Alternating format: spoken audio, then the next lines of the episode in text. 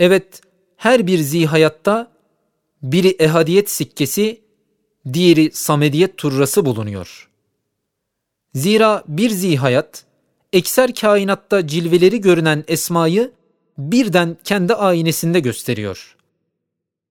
Adeta bir noktayı mihrakiye hükmünde, Hayy Kayyum'un tecelli ismi azamını gösteriyor.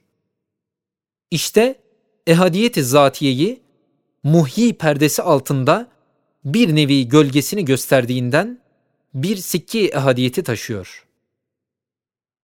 Hem o hayat bu kainatın bir misali musaggarı ve şecere-i hilkatin bir meyvesi hükmünde olduğu için kainat kadar ihtiyacatını birden kolaylıkla küçücük daire hayatına yetiştirmek samediyet turrasını gösteriyor.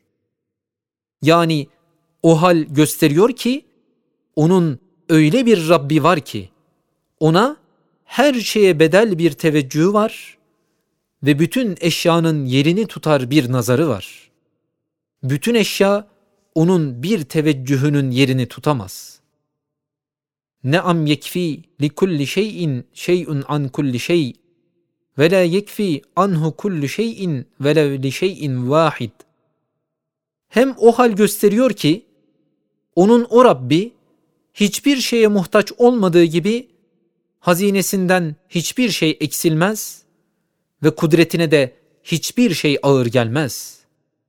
İşte samediyetin gölgesini gösteren bir nevi turrası. Demek her bir zihayatta bir sikke ehadiyet, bir turra-i samediyet vardır. Evet, her bir zihayat, hayat lisanıyla Kul huvallahu ehad, Allahu samed okuyor. Bu iki sikkeden başka birkaç pencere-i mühimme de var. Başka bir yerde tafsil edildiği için burada ihtisar edildi.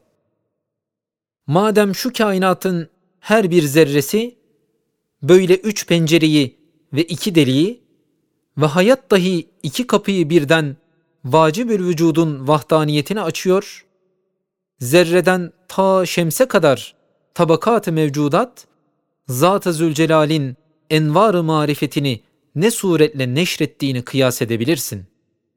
İşte marifetullah'ta terakkiyat-ı maneviyinin derecatını ve huzurun meratibini bundan anla ve kıyas et.